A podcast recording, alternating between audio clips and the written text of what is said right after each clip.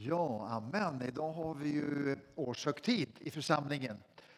Och på en årshögtid så innebär det ju att vi tittar lite grann tillbaka över det som har varit 2019. Och eh, det ska vi göra. Eh, och efter vid förhandlingarna så blir det ännu mer utav det. Men jag tänkte så här att vi skulle få se lite bilder, en liten glimt utav församlingens arbete 2019. Vi bara kör igång det så får vi se om det funkar.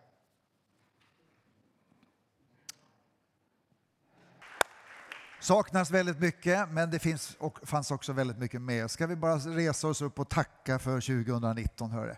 Käre Far i himlen, vi bara tackar och prisar dig för att vi av nåd har fått vara en församling här i den här bygden, men vi har fått nått ut till många platser långt bort. Tack Herre för nåden att få tillhöra dig. Tack för nåden att få arbeta för dig. Tack Fader i himmelen för 2019. Vi prisar dig, vi lovar dig, vi ärar dig. All ära till dig i Jesu namn. Amen. Amen. Varsågod och sitt ner. Vid ett årsmöte så tänker man naturligtvis också framåt med viss bävan men också med spänning. Vad ska hända? Liksom. Eh, för ganska precis exakt 25 år sedan så blev Furuhöjdskyrkan till. Det var tre församlingar som beslöt att gå samman och då bildades för 25 år sedan i februari så bildades Furuhöjdskyrkans församling. Så den här församlingen har levt i 25 år ett kvartssekel. Om vi går 50 år tillbaka så var det flera missionsförsamlingar här i bygden. Och för 50 år sedan i februari så gick de församlingarna samman och bildade en församling, en missionsförsamling, Olands missionsförsamling.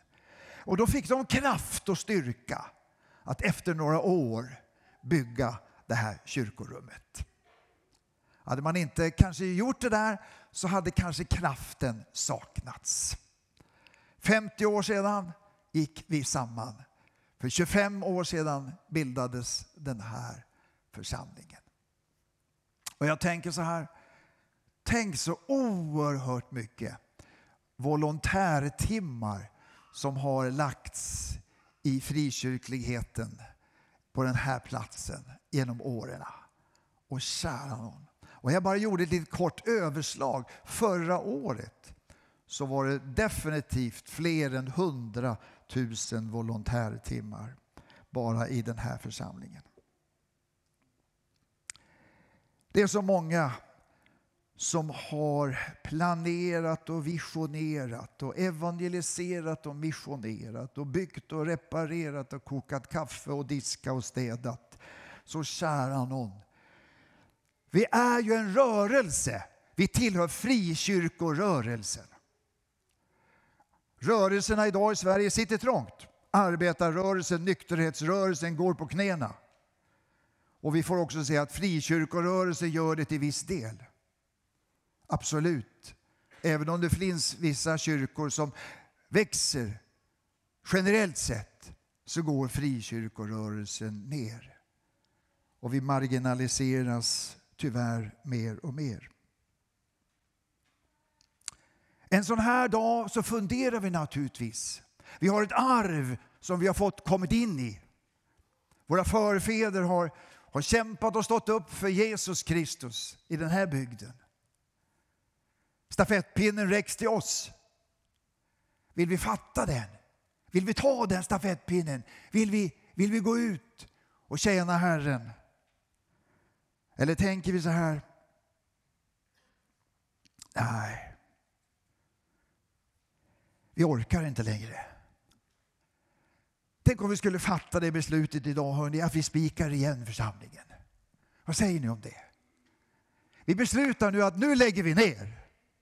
Vi sätter en skylt på dörren här, stängt. Så småningom så innebär det också att Smulan lägger av och Nytänk och, och, och Macken och alltihopa det här. Vi, vi sysslar med annat istället. Då får vi tid för jättemycket annat, eller hur? Kära du vad mycket tid vi får. Så som vi kan lägga på en det ena, en det andra. Absolut. Och förresten, man kanske kan vara kristen ändå utan församling. Eller vad säger ni?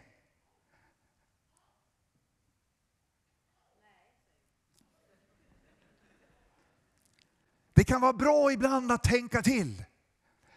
Det här är någonting som vi har kommit in i. Men det går inte bara på utan och vidare. Utan det kräver, kära vänner, idealitet. Det kräver volontärer som är villiga att vara med i det arbetet. Och därför måste vi ställa oss frågan, vill vi det eller vill vi det inte? Det är en fråga. Vad skulle hända hörni, och vi spikade igen? Ja, Lukas och jag, vi fick ta en annan anställning då förmodligen på något sätt. Skulle vi sakna det? Vad skulle hända? Det jag vet skulle hända är att många ifrån samhället skulle ringa till mig och säga, från samhället skulle de ringa och säga, men vad gör ni? Skulle du ringa? Men samhället, vänner, de skulle göra det. Det vet jag. Det är inte så enkelt att vara kristen i Sverige idag. Det är inte det. Jag tänkte när jag började som ungdomspastor 1978, jättelänge sedan. Då ringde studierektorn till mig här i Olandsskolan och sa Lasse, kan inte du komma till, till, till, till skolan här och ta hand om ungdomarna? Och jag gjorde det. Jag hade fritt valt.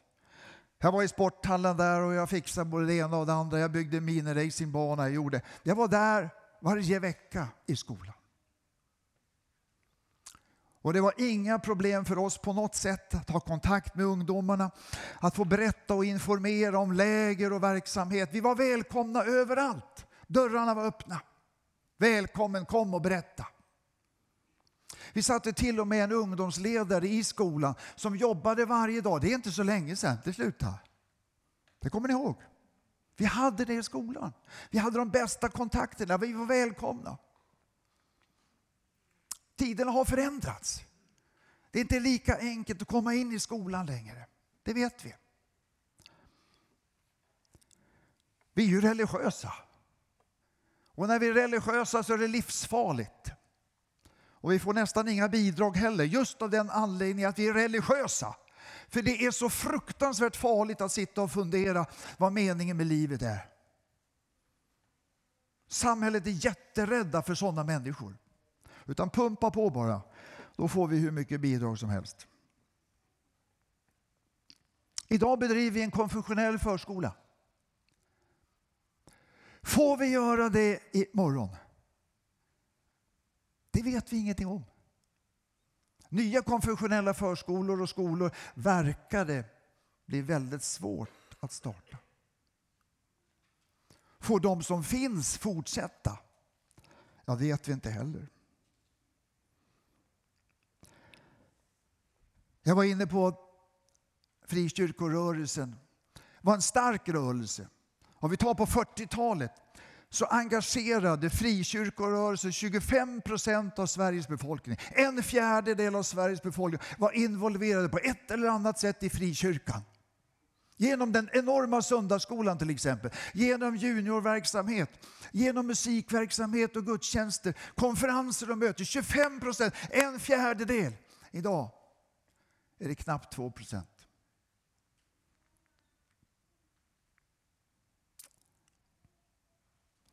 Och många församlingar den här tiden i januari, februari funderar så här.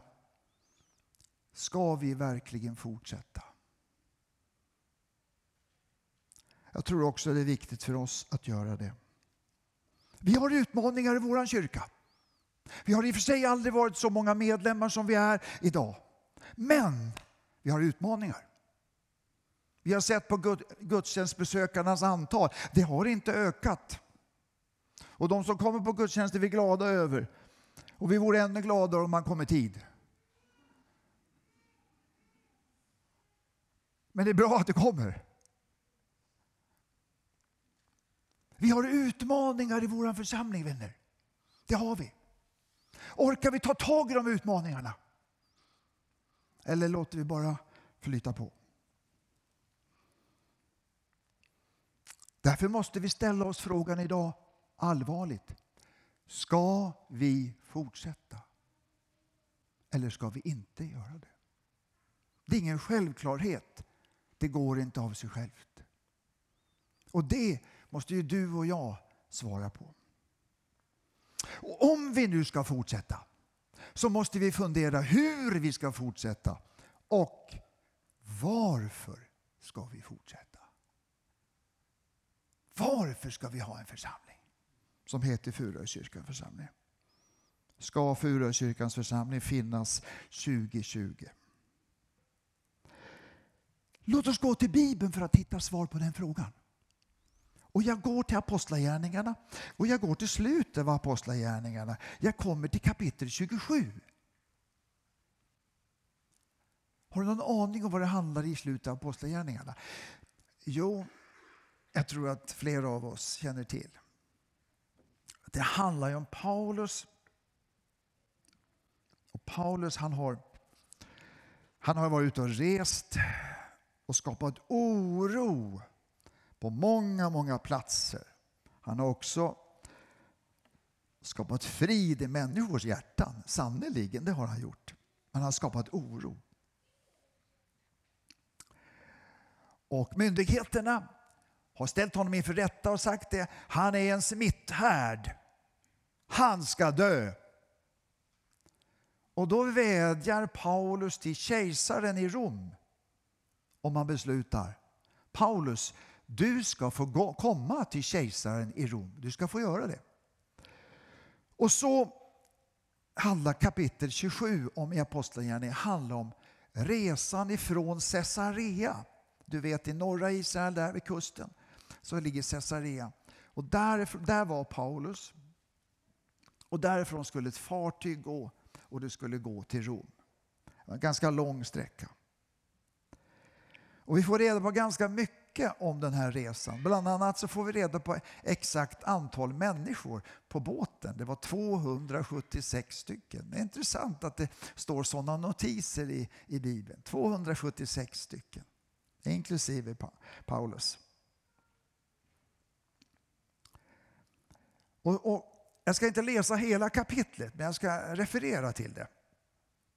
Och Det handlar lite grann om att när man ska sätta, sätta igång den här resan då, när, när um, officerarna och um, kaptenen beslutar om att starta resan så säger Paulus så här. Nej, det är inte lämpligt att vi startar den här resan nu. Jag ser och hört ifrån den Gud som jag tror på att det kommer att bli strapatsrik resa. Därför låt oss vänta lite grann. Men eh, skepparen och officeren och alla andra och besättningen de, de lyssnade mer på, på, på, på kaptenen så de startade den här resan. Och den, blev, den här resan blev verkligen strapatsrik. Den blev det. Och jag ska läsa från vers 19. ska jag läsa. På tredje dagen vräkte vi med egna händer allt löst över bord. Varken sol eller stjärnor visade sig på flera dygn och stormen låg hårt på. Till slut förlorade vi allt hopp om räddning. Vers 22. Och då säger Paulus så här. Nu uppmanar jag er att vara vid gott mod. Inga liv ska gå förlorade, bara skeppet. I natt kom nämligen en ängel till mig från den Gud som jag tillhör och som jag tjänar och han sade Var inte rädd Paulus. Du ska stå inför kejsaren och alla som är med dig ombord har Gud skänkt dig. Och så säger Paulus till alla på båten. Var vid gott mod. Jag litar på Gud. Det blir som han har sagt. Och sen är Paulus med i, på, på, på båten i alla stormar och allt som händer där. Och så vers 33 så står det så här. Innan det dagades uppmanade Paulus alla att äta. För nu hade vi varit utan mat i 14 dagar och inte fått någon näring. Därför råder jag er att äta. Det behöver ni för att kunna klara er. Ingen av er ska nämligen mista så mycket som ett hårstrå. Sedan tog han ett bröd, tackade Gud inför dem alla, bröt det och började äta. Och då står det, då repade alla mod och intog föda. Sen fortsätter den här resan och Paulus är med. Och de kommer nära Malta.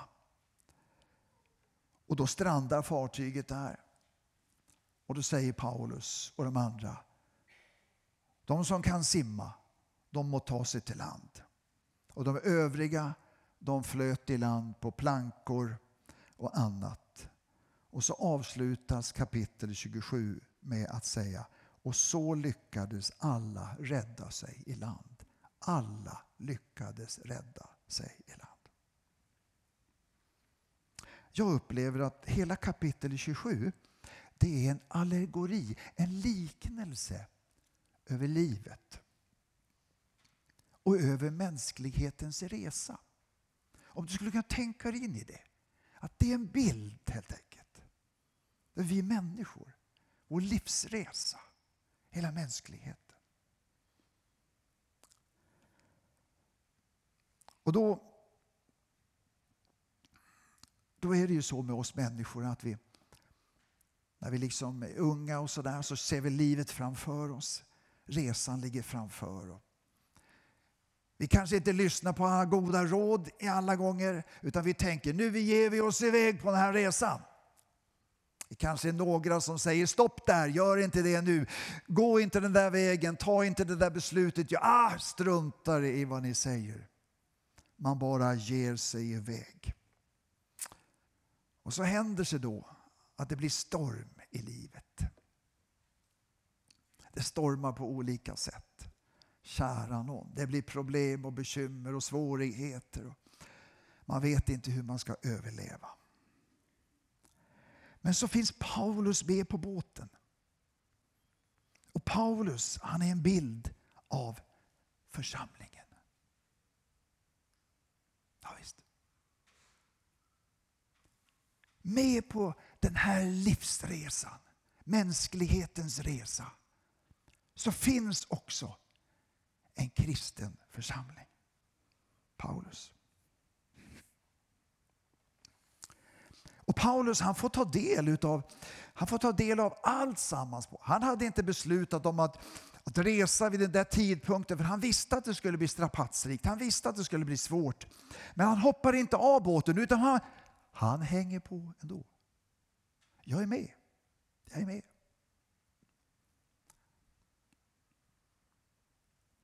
Och så är det för en kristen församling. Vi har inte fattat besluten om vad det här samhället ska dra iväg någonstans. Vi har många gånger sagt stopp, nej, det där går åt fel håll. Men vi hoppar ju inte av för den sakens skull. Utan vi är ju fortfarande kvar. Vi är med i mänsklighetens resa. Och många gånger så tror jag vi, när vi hör beslut som fattas i både riksdag och regering och på kommunal nivå och i olika sammanhang så säger vi så här, men kära någon, ser ni inte det där är vansinnigt beslut? Men vi hoppar ändå inte av. Vi finns kvar. För några år sedan så kommer jag ihåg att jag, jag vaknade till och tänkte, men vad är det de säger? Då skulle man lära barnen att överskrida normerna. Det var väldigt populärt då några år att ha normöverskridande beteende. Normöverskridande beteende. Vi skulle lära barnen detta. Naturligtvis hade du en, en, en speciell adress till genus och fråga om det här med kille och tjej. Och på något sätt så ville man att alla barnen skulle ifrågasätta sitt eget kön och verkligen fundera och pröva allting annat på något sätt. Och inte bara hålla sig till de vanliga fyrkantiga normerna. Utan man hyllade detta normöverskridande. Och man basunerade ut där och jag tror att man fortfarande gör det till viss del. Jag är inte inne i det hela, men det var för några år sedan så, så var det tydligt i nyheterna. Det bara gick ut här i veckan så lyssnade jag till Karin Götblad. Hon är polischef i Region Mitt. Hon säger så här. Vi har fått någonting som vi aldrig haft tidigare. Barn som rånar barn. Det har ökat med 100 procent på fyra år. Det gäller barn som utsätter andra barn för våldsbrott. Våld mot huvudet, sparkar, slag, pistolhot, hugg med kniv. Karin Götblad hon säger hon kan inte tro att det är sant det hon ser och det hon hör. Barn som är på väg hem från skolan börjar råna varandra, sparkar och hotar med kniv om att döda varandra. Det yngsta barnet som misstänks för våldsbrott var sju år. Och då frågar reportrarna så här. Men du, så här kan vi inte ha det. Vad ska vi göra för att rädda samhället? Och då säger de så här att det är klart att poli, det här är ju inte bara polisens sak, utan det är hela samhället, det är skolan, föräldrar, det är polis. Och så säger hon så här. Vi måste tillbaka till normerna, säger hon. Hörde ni? Vi måste tillbaka till normerna. Det man för några år sedan sa, att vi måste bryta så många normer som möjligt. Och då ser vi resultatet. Och nu säger hon, vi måste tillbaka till normerna. Det är den enda lösning hon såg. Vad jag vill säga med det här är att det stormar i Sverige, det stormar i världen. Alla beslut som fattas, då står vi sannerligen inte bakom. Men vi får vara med om konsekvenserna. Men Paulus han hoppade ändå inte av. Och det gör inte vi heller. Vi känner till alla skjutningar och sprängningar. Vi har läst redan nu på morgonen om den fruktansvärda som hände i Thailand. Men vi behöver inte gå så långt. Vi kan se alla skjutningar och sprängningar i Sverige. Och de flesta skjutningarna i Sverige äger rum i Uppsala om man räknar per invånare.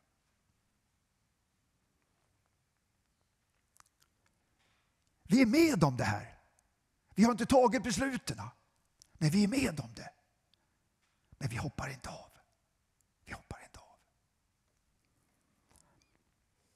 Det har absolut hänt tidigare att det inte har varit snö någon vinter.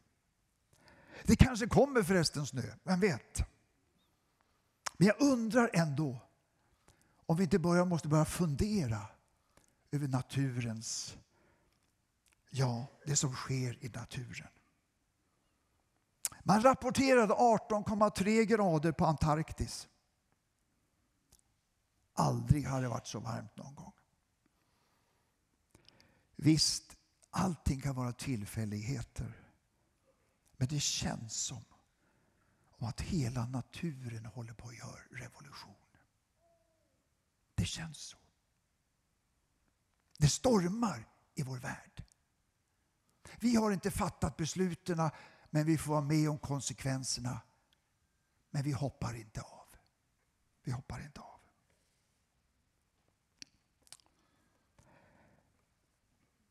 Sverige är med på den här resan i kapitel 27.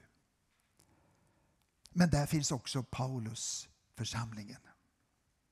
Det här var ingen turistresa för Paulus. Han sa inte så här, nu ska jag ut och resa, sola och bada. Nej, utan Gud hade satt honom på den här resan av en speciell orsak. Vi som församling, vi har en uppgift. Och det handlar inte i första hand om att vi ska ut på någon egen liten resa. Utan det handlar om att vi som församling, vi är till för samhället. Att rädda de andra som är på båten. Det är vår uppgift som församling. Det är inte, det är inte aktuellt att spika igen. Utan det handlar istället om att ta nya tag och förstå sin uppgift. Gud har satt Furukyrkans församling på Olandsbåten. Olandsbåten, hela det här området. Här sitter människorna. Det finns jättemycket problem och bekymmer och svårigheter och utmaningar hos alla, alla människorna på båten. Och vi möter de här stormarna. Men där finns också församlingen. Och jag känner att vi har inget val, vänner. Nej, den tidigare generationen, de har varit med på båten. Och de överlämnar stafettpinnen åt oss. Och Gud har satt oss på båten för att rädda människor. Hur ska vi funka som församling? Ja, låt oss titta på Apostlagärningarna 27. Tre saker jag vill säga utifrån Paulus. Det första är, Paulus han sa sanningen när han var på båten. Han var ärlig och han sa att den här resan kommer inte att gå bra. Han hade fått en uppenbarelse från Gud. På samma sätt är det för oss vänner. Vi, vi, är liksom den kanalen upp till Gud. Det är vi som kan höra vad Gud, Guds vilja. Vi kan höra Guds nästa drag. För Gud har en agenda, Gud har olika drag i historien. Vi är den som kan höra detta. Och vår uppgift vänner, det är att be och se och höra och göra. Be och se, höra och göra. Vi ska be till Herren för att se vad Herren säger till oss att ska ske i det här området och i Sverige och i världen. Vad är, hur är tidsläget? Vi ska se detta. Vi ska höra från Herren. Och så ska vi gå ut och tala om vad Herren har sagt. Och vilka vägval vi ska göra. Gud kallar församlingen att vara en vägvisare den tid som vi är. Mitt ibland alla kriser och stormar, personligt och, och naturligtvis nationellt. Så har Gud kallat oss som församling att vara en vägvisare. Vägvisare för båten. Den här vägen är den rätta. Den här vägen är den sanna vägen. Gå den här vägen. Vi kan inte tvinga samhället att göra det. Vi kan varna. Men vi får ta konsekvenserna och det fick Paulus göra också. Vi hoppar inte av. Om församlingen ska vara en vägvisare i den här tiden så innebär det att du och jag också ska vara en vägvisare, eller hur? Vi ska vara en vägvisare för grannarna, vi ska vara en vägvisare för arbetskamraterna. Vi ska vara en vägvisare för släkten. Vi ska vara en vägvisare överallt där vi går fram. Det här är vad Herren säger. Det här är vad Herren säger i sitt ord. Vad han har uppenbarat för oss vänner. Okej, okay, ni gillar inte det, men det är i alla fall det här han har sagt. Det är viktigt för oss vänner att vara den här vägvisaren. Herren kallar dig att vara en vägvisare. Jag är en vägvisare. Församlingen i Alunda är en vägvisare. När människor samlas i Alunda så är vår önskan att de lyssnar och säger Vad är det Furuhöjdskyrkan säger att vi är på väg? Vad säger de att vi ska välja för väg just nu? Nu när vi står inför problem och bekymmer.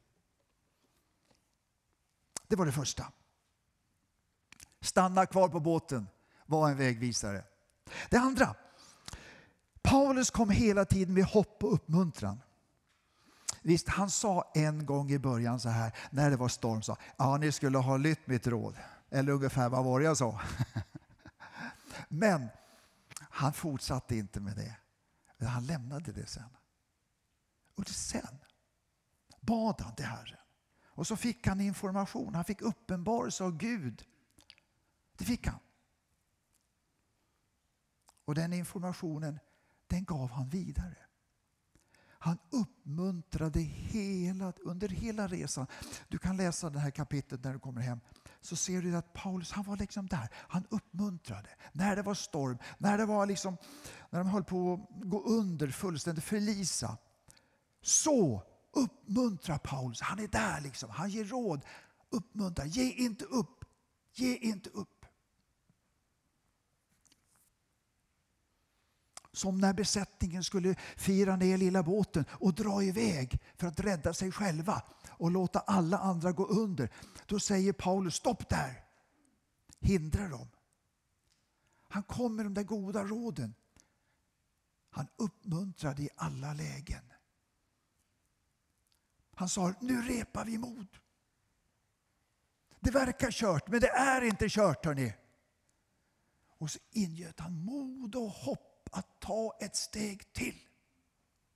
Det är ju det församlingen ska vara vänner. När alla ser att det är kört och hopplöst. Det här kommer inte att gå. Våldsbrotten ökar lavinartat och man ser ingen utväg. Då kommer vi med hopp. Det är visst möjligt. Det går. Om vi gör så här så är det möjligt. Vi kan förändra läget. Eller vad det kan vara för andra utmaningar och stormar som du befinner dig i. Det är möjligt. Församlingen kommer med det. Hoppet, uppmuntran, vägledning. jag höll på med predikande så kom det för mig. Jag hade besök för många, många år sedan. Det var ganska nyligen efter Estonia-katastrofen. Jag tror att den var 94. Så fick vi besök av en överlevare från Estonia-katastrofen. Han, han, han, han, han kom hit och berättade. Och så berättade han om hur, hur hela den där resan var då till, till Estonia höll på att gå under, och gick under sen. Han berättar från sin, sin upplevelse. Och så småningom så hamnar han i vattnet. Jag kommer inte ihåg om han hade någon flytväst eller sådär. Det vet jag inte. Men jag kommer ihåg att han berättade. Han berättade om det här att på något sätt så fick han tag i en båt. I en båtreling på något sätt. Han hängde fast i den här båtrelingen, livbåten alltså. Och han kände liksom hur krafterna avtog. Men då, i ett ögonblick, så fick han se en vision. Han fick se så klart. Han såg att det var han såg att den spelades upp en film. Han såg en person som kom på ett, in till ett sjukhus. Dörrarna öppnades, han rull, personen rullades in och kom på, in på en sal. Han såg alla som fanns runt omkring det där. Och så tittar han närmare på den som ligger på den här båren. Och då ser han att det är han. Och då tänker han så här. Det där är någonting som Gud säger till mig i den här svåra situationen när jag håller på att ge upp.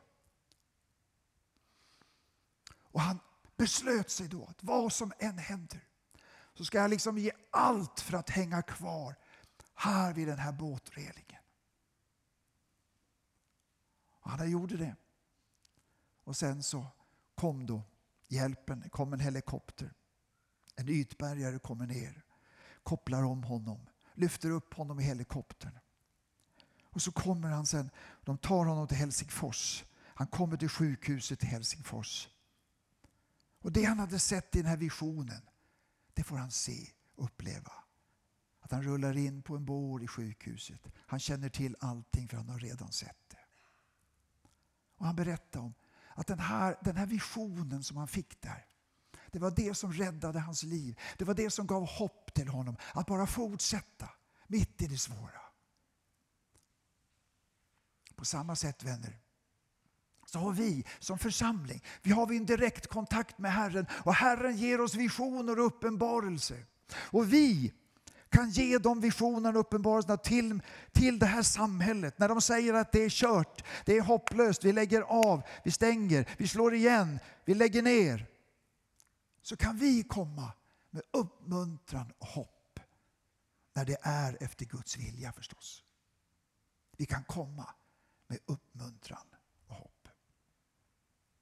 Det kan vi lära oss utav Paulus kapitel 27 och på den här resan. Det var det andra.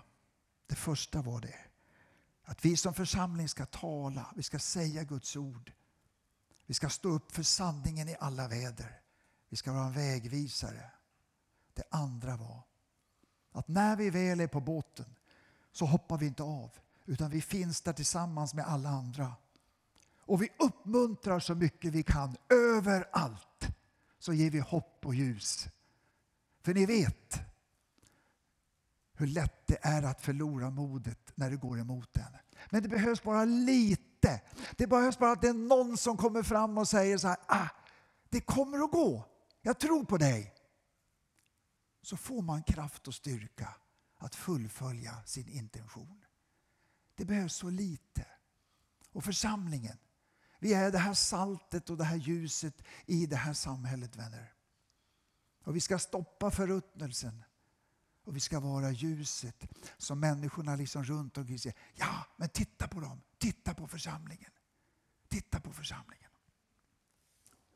Vägleda och uppmuntra, ge, i hopp och tro. Det tredje, det som är så otroligt fantastiskt med den här berättelsen, det är vers 24.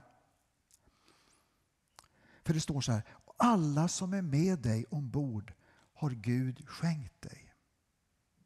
Alla som är med dig ombord har Gud skänkt dig.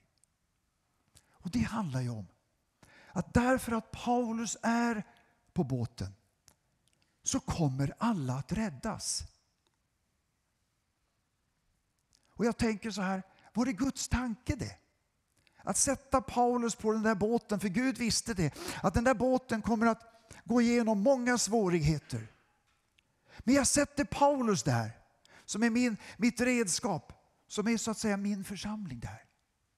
Så kommer alla att räddas tack vare att Paulus finns där.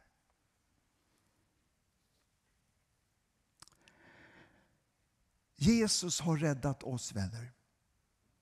Och vi ska gå ut i det här samhället som församling och vi ska vara med och rädda andra människor. Och det finns något hoppfullt i den här bibeltexten som jag inte har tänkt på tidigare. Och det hoppfulla är att bara för att det finns en församling finns en församling, Guds församling på en plats så vill Herren genom denna församling rädda hela samhället, rädda hela bygden. Gud vill göra det. Därför att det just finns en församling som följer Herren. Och vår uppgift är verkligen att rädda människor omkring oss. Vi ser människor som håller på att gå under kriser och svårigheter. Men vi ska rädda dessa människor, inte bara fysiskt. För det här är ju en allegori, det är en bild. Det handlar också om att rädda människorna hem till Herren. Rädda människorna, att de får lära känna Jesus, får uppleva ett nytt liv. Och jag tänker på slut, slutet av kapitlet. Det handlar ju om det att, att var och en fick hoppa av båten. Dels simmade i land, några flöt på plankor till, till land. Några gjorde det. Man gjorde det. Var och en räddades. En och en räddades. Och det var det Paulus hade sagt. Ingen ska gå förlorad. Alla ska räddas. På samma sätt är det för oss i församlingen. Det handlar om att rädda en efter en. En efter en vänner. Vi kallade på det. Vi finns i vår bygd. Du finns i ditt område där du, där du bor, där du arbetar. Du finns av en anledning för att vara med och rädda de som finns runt omkring. Att de ska lära känna Jesus Kristus. Att de ska finna en tro på honom. Att de ska få uppleva det, det nya livet. Och få också bli med i församlingen och vara med och rädda andra människor. Det behövs så lite vänner. Och jag tänkte lite grann på det när jag läser Gamla Testamentet och så ser jag, ni vet judafolket de hade hela tiden problem med filisterna. Filisterna var på dem ständigt, härjade med dem. Och det var inte bara filistéerna, ibland var det midjaniterna. Än var det, det ena folket efter det andra som gav sig på judafolket hela tiden. Och judafolket höll på att gå under när Goliat var i farten. Men så kommer det en enda person, så att säga församlingen. En enda person och det är David. Och David liksom, han finner sig inte i det här, att det håller på att gå under. Han finner sig inte i det. Utan han står upp och han talar sitt budskap. Han är sänd från Gud att rädda hela Israels folk, hela judafolket. Han är sänd att göra det. En enda person. Och när han lyssnar till Herren och när han går Herrens väg så räddar han hela folket. Och på samma sätt vänner ser jag och har hört Herren tala till mig om det. Herre, vi, vi är en församling. Vi kan många gånger vara beredda att ge upp för vi tycker att det är, så, det är mycket svårigheter vi möter. Och vi får ägna så mycket tid för idealiteten och volontärt. Vi kände bara så här, när vi lägger ner, vi ger upp. Vi ägnar oss åt annat, vi sminkar oss själva istället. Men så vill Herren tala om för dig och mig. Ge inte upp. Han sa det Paulus, Paulus hoppa inte av båten utan var kvar på båten. Så genom att du är där så kommer alla att räddas. Och på samma sätt så känner jag, låt den här församlingen fortsätta. Även om den möter svårigheter, även om den möter utmaningar av olika slag, så låt oss bara fortsätta. Att ge våra liv åt Herren, att göra det. Men att fortsätta. Att göra som Paulus. Säga för människor och vara en vägvisare nummer ett. Nummer två, uppmuntra människor hela tiden, de som finns runt omkring dig. Uppmuntra, ge tro och hopp till människor. Låt oss göra det vi som är i församlingen också. Låt oss uppmuntra varandra, låt oss stödja varandra, låt oss säga goda ord till varandra. När vi gör det så gör vi det också till andra människor. Och för det tredje, var med och rädda hela samhället. Hela samhället, en efter en. Genom att du berättar om Jesus Kristus. Han är världens frälsare. Herren har satt oss på Olandsbåten som församling, vänner. Låt oss fortsätta i glädje och tacksamhet och i, i, i förtröstan på att Herren är med oss också det här året. Vi har en uppgift. Vi har en uppgift, vänner. Gud har kallat oss. Och jag hoppas att du vill vara med. Att du vill vara med.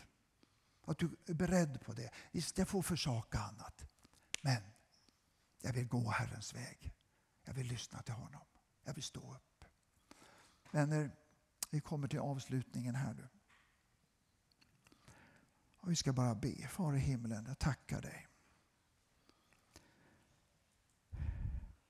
Vi har så mycket att tacka dig för, Herre. Personligen har jag dig så mycket att tacka för. Jag tackar dig för att du, du fann mig en dag. Du öppnade mitt hjärta så jag kunde ta emot dig. Du steg in i mitt hjärta, du förvandlade mig. Tack Herre. Tack Herre för att du hade syfte med mitt liv. Det var därför du gav mig de gåvorna som du har gett mig. Jag tackar dig för allt det där. Jag tackar dig för att du varit med och väglett mig. Jag tackar dig för församlingen som fanns när jag växte upp. Församlingen var en vägvisare. Församlingen hjälpte mig att hitta dig. Tack Jesus för församlingen. Vi är många som känner en oerhörd tacksamhet till dig. Herre, nu ber vi om kraft och nåd. Vi ber, Herre. Vi ber, Herre. Ge oss kraft och nåd och styrka att fortsätta tillsammans med dig. Att inte hoppa av den här resan. Utan ändå utan finnas kvar. Inse vår uppgift som församling. Det är ingen nöjestripp, utan det är en räddningsbåt. Det handlar om att rädda andra människor. Herre Jesus Kristus, vi bara ber. Jag tänkte så här att du som, du som vill och du som känner i det här ögonblicket jag vill vara med. Jag vill vara med 2020. Jag vill vara med i församlingen. Och jag vill vara med i det här som Gud har kallat oss in i. Jag vill det. Jag vill av hela mitt hjärta. Ska vi göra så att du bara reser dig upp? Du behöver inte gå fram eller någonstans. Utan du bara reser dig upp. Och du bara säger till Herren så här. Herren har talat i den här predikan. Visst, vi kan ha synpunkter på den. Men Herren har ändå talat. Och han har givit ett erbjudande. Och han säger till dig, kära älskade vän, jag önskar att du vill vara med. Ska vi samarbeta under 2020? Vill du vara med i min församling? Vill du vara det? Vill du vara med där som en vägvisare? Vill du vara med och sprida hopp där det inte finns hopp? Vill du vara med och berätta om Jesus Kristus som världens enda frälsare? Vill du vara med i det här projektet? Vill du vara en församling? Vill du tillhöra Herren? Far i himmelen, vi kommer som församling i ödmjukhet inför dig. Jag tror ingen av oss är stöddig på något sätt. Utan tvärtom, vi är så ödmjuka. Vi är så ödmjuka. Vi förstår att uppgiften är så gigantiskt stor. Och vi förstår att vi kan inte klara det här på egen hand på något sätt. Men med din hjälp, Herre. Men med din hjälp, Herre. Och Herre, här är vi. Här är vi som vill tillhöra dig. Som vill vara med i församlingen. Herre, vi vill bidra med våra gåvor och förmågor. Vi vill göra det, Herre. Sätt oss i bruk. Använd oss, Herre. Ge oss den kraften. Helige Ande, kom. Å, helige Ande, kom, kom, kom, kom, kom. Fyll oss, du helige Ande. Fyll oss, du helige Ande. Var i himlen. Vi bara tackar dig, prisar dig och lovar dig. I Jesu namn.